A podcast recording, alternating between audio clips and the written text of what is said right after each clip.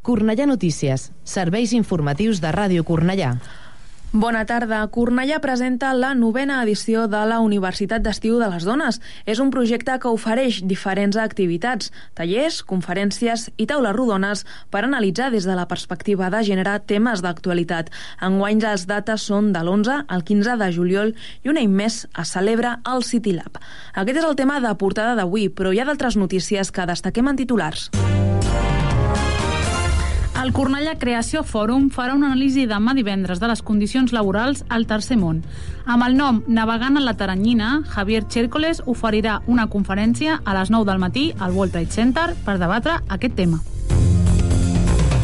La Biblioteca Marta Mata projectarà la pel·lícula francesa El nombre a la sala Titan a partir de les 6 de la tarda. És una comèdia que es veurà en versió original subtitulada al castellà. Després hi haurà un col·loqui on podran participar tots els assistents. I l'equip a la femení d'handbol de l'Escola Sant Miquel de Cornellà ha aconseguit el subcampionat de Catalunya. Les nenes d'11 i 12 anys han jugat la fase final del campionat escolar on s'han enfrontat els millors. I ara, després dels titulars, anem a conèixer la previsió del temps. Ens acosta aquesta informació l'Anna Borrell, de l'Agència Estatal de Meteorologia. Bona tarda, Anna. Bona tarda. Continua el temps insegur aquests dies a les comarques barcelonines, cel poc ennubulat, amb alguns núvols d'evolució. Aquesta tarda hi haurà alguns ruixats ocasionals en punts de muntanya, fins i tot amb alguna tempesta puntual, que no descartem a la resta de manera més feble, però és poc probable que arribin a afectar a la costa. Les temperatures no varien gaire al litoral, baixen més cap a l'interior, arribarem als 26 graus doncs a Barcelona, també a Mataró, a Igualada, a Vilanova i la Geltrú i Manresa, a 27 graus a Sabadell i 24 a Vic. I pel que fa al vent, anirà a intensificar-se, bufarà vent de ponent aquesta tarda a l'interior i de sud-oest, vent de Garbí al litoral. Demà divendres esperem bon temps, poca nuvolositat al matí a partir de migdia cap al nord i també a altres comarques de l'est hi haurà ruixats ocasionals amb algun nucli de tempesta. Les temperatures no han de variar gaire, hi haurà mínimes de 18 graus a Barcelona, 16 a Vilanova i la Geltrú o a Mataró, 13 graus a Sabadell i Manresa, també 13 a Igualada i 10 graus a Vic. El vent es mantindrà més suau i més variable tot el dia. És una informació de l'Agència Estatal de Meteorologia. Gràcies, Anna. A la direcció, Mireia Navarro. A les vies de so, José Antonio Castillo. A la producció del temps, Víctor Oliveras. I a la producció, redacció i locució, Sergi Ill, Neus Gutiérrez i qui els parla, Verónica Tomico. Avui és dijous 16 de juny. Comencem el Cornellà Notícies d'avui. Cornellà presenta la novena edició de la Universitat d'Estiu de les Dones. Aquest projecte ofereix conferències, taules rodones i tallers per analitzar des de la perspectiva de gènere temes d'actualitat. Enguany es celebra de l'11 al 15 de juliol i, com sempre, es porta a terme al City Lab. El programa formatiu posa en primera línia el paper de la dona al llarg de la història. El seu objectiu és oferir uns estudis alternatius en matèria d'igualtat de gènere. El projecte està impulsat per l'Ajuntament de Cornellà a través del Centre d'Informació i de Recursos de les Dones i en col·laboració amb la Universitat de Barcelona. Les assignatures que s'impartiran aquest any són en primera persona, la veu de les dones a la ciència i la investigació, amb ulls, veu, cor i cos de la do de dona, de l'imaginari medieval a la cultura actual, les dones de la generació del 27 i claus de comunicació professional i acadèmica de la perspectiva de gènere.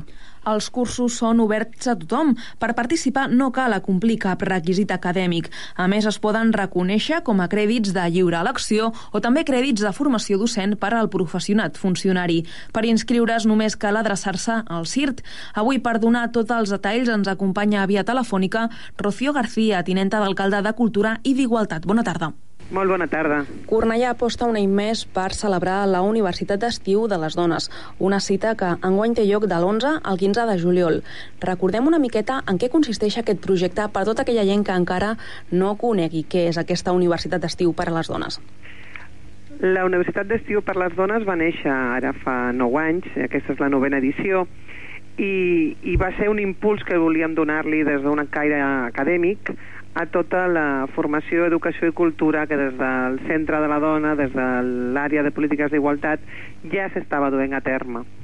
Sabeu que fa 22 anys que es va crear el Consell de les Dones de Cornellà, el Consell Municipal, que plega més de 30 entitats de, de dones i representades per dones, i calia donar un pas més, més acadèmic, més de vinculació amb el món universitari, en aquella tercera setmana de juliol i la vam emmarcar dins de, del programa Els Juliols de la Universitat de Barcelona, que concretament enguany fa 20 anys. Uh -huh. Des de la UB va ser una proposta que li va arribar des de Cornellà i que vam valorar molt positivament perquè era una línia, les polítiques de gènere que, i la formació envers les dones que no estaven treballant als juliols, va ser una manera d'especificar i també d'externalitzar fora del que seria el centre de Barcelona i de la UB doncs aquesta oferta educativa. I, i a hores d'ara la col·laboració la mantenim, és estreta, eh, nosaltres fem propostes i es recullen per part de la UB, aporten al professorat també dins de, la seva, de les seves càtedres i aconseguim eh, presentar un programa que pensem que sempre és innovador, interessant, formatiu i sobretot que fa avançant el pensament de, de les dones. Uh -huh. Hem de dir que, tot i tenir al darrere el recolzament d'una universitat tan important com és la de Barcelona i tenir doncs, el seu professorat altament qualificat i experts en, en les matèries que imparteixen, és una universitat oberta a tot tipus de dones, que no cal tenir cap... A dones estudi... i a homes. Exacte. És una, és una universitat oberta a tothom, no, no és que perquè tracti en concret temàtica al voltant de la dona i descobrir coneixement de les dones i fer-lo extensiu en el món actual, uh -huh. està, tancat la, està tancada la inscripció a, únicament a dones, no, no és oberta. De fet, el que hem impulsat en guany és que les alumnes i el, el, els nois i les noies de les, univers, de les universitats, i en concret de la UB, tinguin un coneixement exhaustiu i directe de què oferim en la Universitat de les Dones de Cornellà, perquè entenguin que aquesta oferta, a part donar crèdits pels estudiants de, de, de, de universitat. Uh -huh. I en aquest sentit també el que dèiem, persones que potser no tenen aquest nivell d'estudis però que igualment volen aprofundir els seus coneixements i, i poden fer també doncs, aquest pas a la Universitat d'Estiu de les Dones. Hem de dir que després de nou edicions és un projecte totalment consolidat i que imaginem que es valora molt positivament, no? A veure, la valoració la fan les mateixes alumnes. Uh -huh. Has d'escoltar no només el professorat i la valoració que es fa després de, de l'equip multidisciplinar, tant de, de polítiques d'igualtat, tant de l'Ajuntament de Cornellà i de la nostra àrea, com del part del, del, de la UB, no? de l'equip de la UB, sinó que, eh, que et recepcionen, no que et tornen a aquelles i aquells alumnes que hi assisteixen, perquè també, evidentment, demanem la seva, la seva opinió. Sempre trobem positivitat i, a més, propostes. Per sempre acabem recollint el dia de la cluenda propostes que ens fan arribar, no només eh, les persones, eh, el, el professorat de la UB, que han recollit en les intervencions de les alumnes, sinó les mateixes alumnes. Per exemple, eh, en les conclusions, en la cluenda de l'anterior edició, uh -huh. va sortir un tema que, hem, que, que desenvolupem en, en aquesta edició, que és la veu de les dones a la ciència i a la investigació una àrea molt desconeguda uh -huh.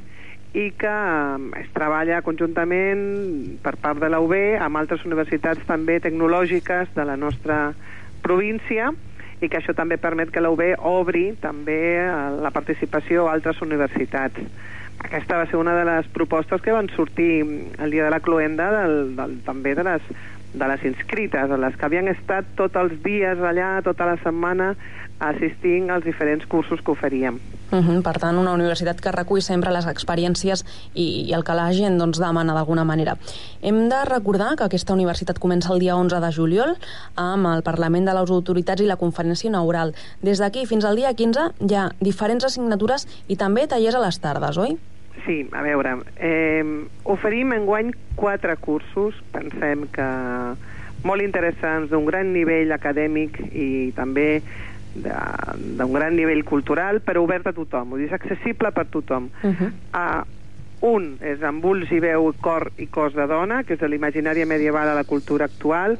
Aquí eh, hem recollit temàtiques, i a més ho hem parlat dins del Consell Municipal de les Dones i la comissió que creem per parlar de la universitat, de recollir també aspectes que al llarg de, de, de la història doncs, bueno, ens, han, ens han arribat a partir de la cinematografia, a partir de la literatura, com podria ser també el, el paper de, de les dones religioses en aquell moment, de la Inquisició, el pes de les dones en, en la ciència, vull dir, aquí intentem recollir eh, preguntes, qüestions que ens plantegen les dones perquè des del punt de vista acadèmic se'ns expliqui aquells dies a la universitat. Uh -huh. També un altre, un altre tema que és bastant oblidat encara a nivell curricular i és les dones de la generació del 27. És bastant conegut eh, el programa educatiu que treballa eh, i que investiga sobre eh, els homes de la generació uh -huh. del 27 i no encara s'ha desenvolupat tota una línia d'investigació eh, de les dones. Doncs això és el que farà la Universitat de les Dones en guany, des d'un nivell altament acadèmic, però també accessible per tothom. Després, com us deia, la primera persona, la veu de les dones investigadores, uh -huh. a part de la ciència, la importància de les, de les dones a la ciència, les dones oblidades o dones que se van haver de canviar el nom per poder investigar, i aquí participaran altres universitats, com us deia. I després, eines i estratègies de comunicació en igualtat. La coordinadora, la doctora Estrella Montoliu, catedràtica de llengua espanyola de la UB, eh, ens farà tot un curs que va adreçat a, a aquesta, aquesta comunicació en l'espai públic que, que, que, que tenim tots i totes i que no acabem de, de diagnosticar com afecta la perspectiva de gènere uh -huh. en la intervenció també de l'espai públic i de les intervencions i de la comunicació i, i el que intentem sobretot és al voltant evidentment de la, de la igualtat de gènere i de les polítiques d'igualtat a oferir un ampli ventall de uh, camps en els que s'ha investigat per poder ampliar els coneixements i la cultura i formació de les nostres dones. Uh -huh. Això pel que fa a les assignatures pròpiament de la universitat? Llavors, el dilluns 11, uh -huh. que a dos quarts de 12 fem la inauguració, comptarem amb dues dones importants que ens han acceptat la nostra invitació, que és la senyora, la senyora Rosa Regàs, escriptora, i la senyora Emma Riverola, periodista i escriptora també, uh -huh. que hi seran presents a, a, a la taula per inaugurar, donar per inaugurat aquesta, aquesta, inaugurada aquesta universitat, la vuitena edició de la nostra universitat. Són dones que bueno, han rebut per part nostra la invitació, que estan contentíssimes de, de poder, poder participar. I després a les tardes, a les tardes, bueno, a les tardes de la universitat hi ha un ampli ventall de propostes, des d'una exposició fotogràfica sobre dones castelleres, uh -huh. farem un taller d'art dramàtic amb una associació de Cornellà, que és micro, microteatre Micro Cornellà Teatre. Uh -huh. Uh, també passarem un documental de la Sin Sombrero, que també va en la mateixa línia que, que us comentàvem abans, del descobriment de les dones a la literatura. I, per acabar, el dijous 14, a, a l'auditori del City Lab, uh, farem el concert de lírica i sarsuela, uh -huh. també amb una dona de Cornellà, amb una soprano de Cornellà, que es diu Maria del Mar Humanes. Uh -huh. Per tant... Així que pensem que l'oferta és àmplia, de gran qualitat, oberta a tothom, que amplia el coneixement de, de la cultura i de la ciència que han fet les dones al llarg de la història i que volem continuar avançant en aquest sentit per millorar la, aquest nivell d'educació de, i cultura que li volem donar a les dones de la nostra ciutat. Per tant, una proposta molt interessant, ja està obert el termini per apuntar-se, tothom que vulgui doncs s'ha d'afanyar perquè realment habitualment eh, són places que s'esgoten i sobretot encoratjar també els homes que a vegades pel nom de la universitat no s'ho pensen i també tenen el seu, el seu lloc en aquesta universitat de les dones i per què no, apuntar-se i Perquè gaudir també. el professorat també. no és únicament femení, uh -huh. el professorat és femení i masculí, hem buscat els millors i a les millors per donar aquests cursos, aquests diferents eh, tallers, aquests diferents apartats dins de cada, de cada proposta, vull dir que hi ha unes coordinadores o coordinadors de cadascun del, dels temes que us hem plantejat i dins d'aquestes àrees en diferents dies, ja sé, diferents hores, diferents persones, diferents professionals i acadèmics seran, les, seran els que, i les que impartiran els, els tallers i els cursos. Per tant, queda dit, tothom està convidat a participar-hi en aquesta novena ja edició de la Universitat d'Estiu de les Dones. Avui agraïm... Ja estem, ja estem pensant en la desena, uh -huh. ha de ser més, encara més sonada que aquesta, tot i que pensem que aquesta també recull tot un camí fet de, de, la, de la Universitat de les Dones en els darrers anys, però que va caminant cap al. Que nosaltres el que hem avui hem intentat fer aquest, aquest curs és oferir una novena edició ja amb vistes de, de, de pujar el nivell de cara a la desena edició, que serà el juliol del 2017. Per tant, consolidada i amb molt de futur per davant. I tant que sí. Molt bé, doncs Rocío García, tinenta d'alcalde de Cultura i d'Igualtat, gràcies per atendre avui la trucada del Cornellà Notícies. Gràcies a vosaltres. L'informació de Cornellà. Més a prop, impossible. El Cornellà Creació Fòrum analitzarà demà divendres les condicions laborals al Tercer Món. Sota el nom Navegant en la Taranyina, l'exdirector de Responsabilitat Social Corporativa d'Inditex, Javier Chércoles, oferirà una conferència per abordar aquest tema. La cita és demà, divendres, a partir de les 9 del matí, al World Trade Center Almeda Park. Javier Chércoles dirigeix actualment The Simon Project, amb l'objectiu de desenvolupar un mètode que analitzi el valor de les vides de les persones que treballen per a grans multinacionals a països desenvolupats. El ponent parlarà del sistema de pòlisses que està dissenyant, un pla d'indemnitzacions i assegurances que es pugui aplicar a mercats emergents o al tercer món. La setena edició del Cornellà Creació Fòrum inclou un total de sis conferències que combinen la fórmula dels dinars xerrades i la dels esmorzars conferències. Com ja és habitual, també hi ha ponències magistrals i debats entre dues persones de rellevància en diferents temàtiques. L'objectiu principal és crear un espai de reflexió sobre diferents sectors econòmics per trobar alternatives a la crisi. En cada sessió es donen cita més d'un centenar de convidats per tal d'establir un espai també de networking. Sergio Fernández és el tinent d'alcalde d'Economia i de Governança. Hem aconseguit parlar en positiu d'aquesta crisi, hem aconseguit donar-li una mica la volta i entre tots hem fet una mica aquesta psicologia d'aprofitar les oportunitats que ens han donat una mica doncs, aquesta, aquesta situació. I hem eh, arribat a aquest punt, parlem amb totes aquestes persones que venen edició rere edició i estem tots, estan tots molt contents de tot això. Això ens anima a seguir, ens anima que tots doncs, eh, doncs puguin venir cada vegada amb més interès, segurament, perquè saben que hi ha una taxa de retorn important, perquè no és venir a sentir una conferència, que també és important, és el que t'emportes de relacions i el que t'emportes de possibilitats de crear, d'innovar i de fer negoci, sobretot. Poden consultar tota l'agenda a l'aplicació mòbil Cornellà Creació. Cornellà Notícies, serveis informatius. Parlem ara d'un tema cultural. La ciutat de Cornellà, juntament amb d'altres consistoris de la comarca, participa a la campanya de ruta amb el tram 2016. L'objectiu d'aquesta iniciativa és donar a conèixer les activitats, restaurants i visites per on passa el tramvia. Entre les propostes destaca el Museu Akbar de les Aigües de Cornellà, a més de les ofertes d'altres municipis com Sant Joan d'Espí o Esplugues del Llobregat. Les visites turístiques es poden complementar amb una diversa oferta gastronòmica amb descomptes especials a restaurants. Poden consultar més informació al web rutadeltram.cat i també a les diferents plataformes del tram i el Consorci de Turisme del Baix Llobregat. La informació de les eleccions generals al Cornellà Notícies.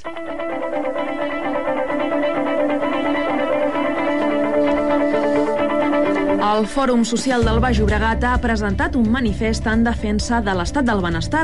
La cita ha servit per organitzar un debat polític amb les sis forces polítiques catalanes que es presenten a les eleccions generals del 26 de juny. El text, presentat per les entitats veïnals de la comarca i els sindicats de comissions obreres i de la UGT, reivindica polítiques en defensa dels serveis públics, la derogació de la reforma laboral i polítiques econòmiques socials. Pura Velarde, presidenta del Fòrum Social del Baix Llobregat, demana que els partits polítics polítics escoltin les demandes de la comarca per garantir l'estat del benestar. L'escoltem. Exigimos o queremos que el compromiso de los partidos, de nuestra comarca en este caso, se comprometan a hacer posible todas las reivindicaciones que estamos haciendo. Y sobre todo que tengan el sentido de pertenencia a esta comarca que tanto nos ha definido y que creemos que es importante fomentar y recuperar. Por todo eso, queremos que se exijan políticas activas de ocupación, sanitarias, educativas, energéticas, de vivienda, fiscales, de género, que refuercen el mantenimiento y la mejora del estado del bienestar.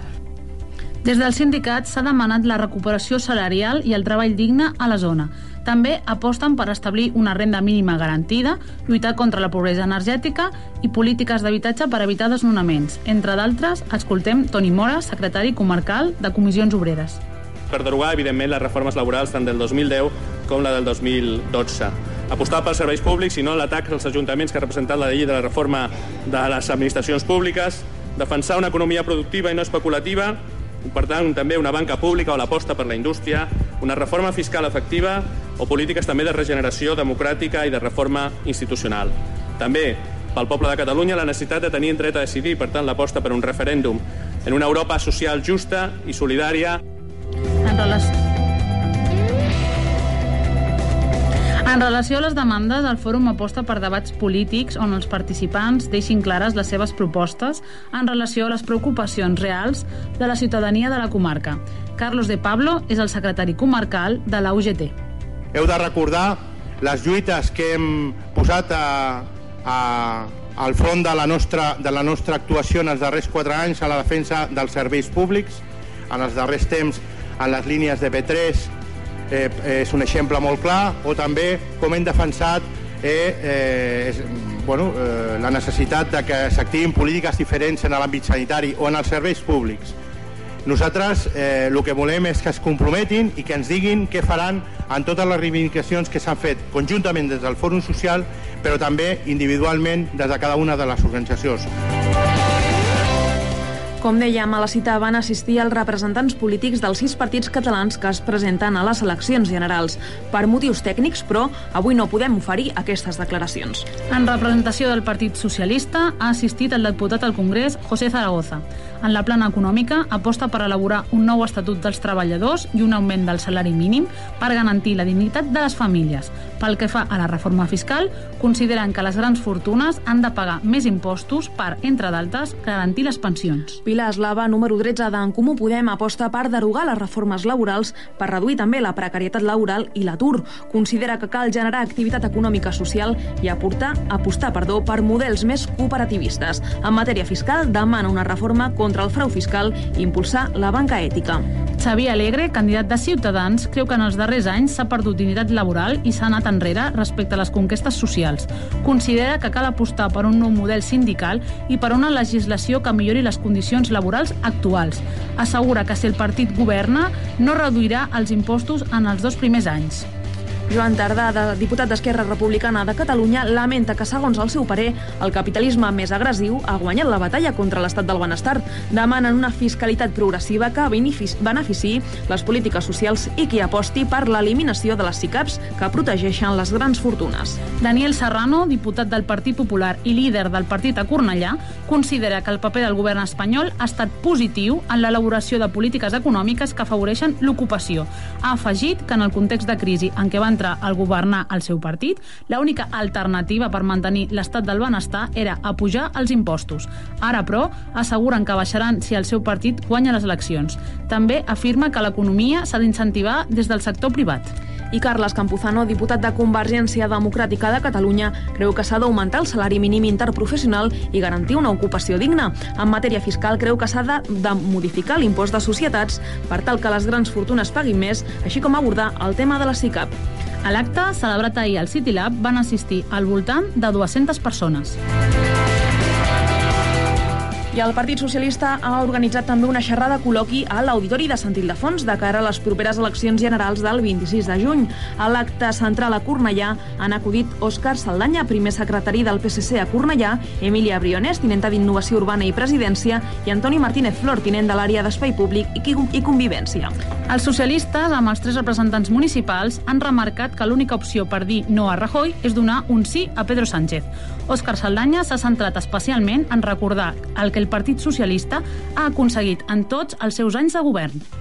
Los de la sanidad pública universal. Los socialistas somos la defensa de la educación pública y de calidad. Los socialistas somos el sistema de pensiones. Somos aquellos que impulsamos la ley de dependencia. Nosotros somos la ley de igualdad, la ley de defensa de la mujer, la ley de libertades cívicas, somos representantes, los socialistas, de los impulsores de las mayores libertades y los mayores progresos de libertad en este país. En un discurs més centrat municipi, la tinenta d'Innovació Urbana i Presidència ha recordat totes les propostes que s'estan fent a la nostra ciutat. L'oficina de transparència, els pressupostos participatius, el projecte Proteu, els plans d'ocupació, els educadors cívics la pas la, i la passada setmana de la dignitat o la novetat de la tarifació, tarifació social. Emilia Briones ha fet una anàlisi començant pel govern d'Espanya, seguit del govern de Catalunya i finalment sobre la gestió municipal porque lo cierto es que gracias a Rajoy y a Pablo Iglesias Jr., ellos dos son los que han hecho que no esté gobernando nuestro Pedro Sánchez. Por lo tanto, entre el inmovilismo de la rancia derecha que recorta derechos y el populismo asambleario, estos dos juntos nos han llevado a las elecciones en las que ahora nos encontramos. Lo que no puede ser es que haya dinero para estructuras de Estado, para embajadas y que no haya dinero para becas comedor. Eso es lamentable. Pero sí que es verdad que tenemos un gran pacto con todos vosotros, con todas las entidades sociales, educativas, deportivas que también nos acompañan y por lo tanto lo que hay que hacer es seguir luchando para tirar adelante esta ciudad.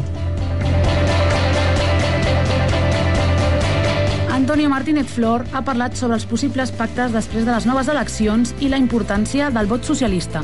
L'acte va seguir amb una sèrie de preguntes del públic amb la seva resposta pertinent per part dels ponents. Es va finalitzar l'acte amb un discurs d'un integrant de les joventuts del partit on es va demanar amb èmfasis el vot socialista en aquestes noves eleccions.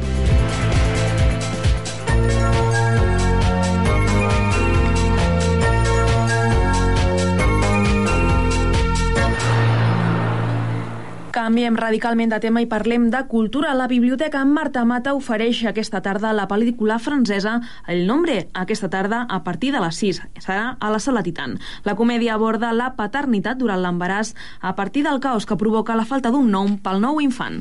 La projecció serà en versió original subtitulada al castellà. Després de la visualització hi haurà un col·loqui a càrrec del periodista i cap de la secció de cultura del Punt Avui, Jaume Vidal. L'actualitat local al Cornellà Notícies. I un darrer apunt abans de marxar, l'equip a la femení d'handbol de l'Escola Sant Miquel ha aconseguit jugar a la fase final del campionat escolar on han quedat subcampiones de Catalunya. Des de l'escola es considera una fita i volen destacar que l'important és que les nenes han gaudit molt jugant en aquest torneig. També han après i han crescut com a persones i jugadores gràcies a la temporada que han fet. I encara el més important, tot i que el grup ha fet pinya entre elles i amb les famílies.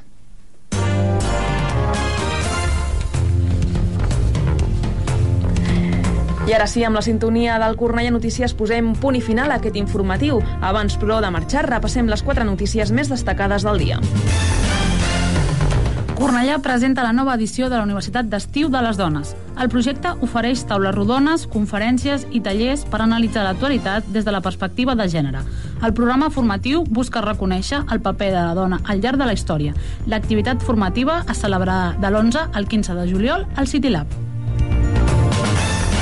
El Cornellà Creació Fòrum organitzarà la conferència Navegant en la Taranyina. L'exdirector de Responsabilitat Social Corporativa d'Inditex, Javier Chércoles, parlarà sobre les condicions laborals al tercer món. La cita serà demà a les 9 del matí al World Trade Center al Meda Park. La Biblioteca Marta Mata projecta aquesta tarda la pel·lícula francesa El Nombre, el film tacte de l'enrenou que es produeix quan un pare dona una resposta sorprenent quan se li pregunta pel nom del seu futur fill. I acaben d'escoltar, l'equip a la Handball de l'Escola Sant Miquel ha quedat subcampió de Catalunya a la seva categoria. L'escola ho considera una fita i vol destacar la importància de la participació i les ganes de passar-s'ho bé d'aquestes nenes. I ara sí, posem el punt i final a aquest informatiu. Nosaltres tornem puntualment demà a partir de la una amb tota la informació local. Gràcies per la seva atenció i que acabin de passar. Molt bona tarda.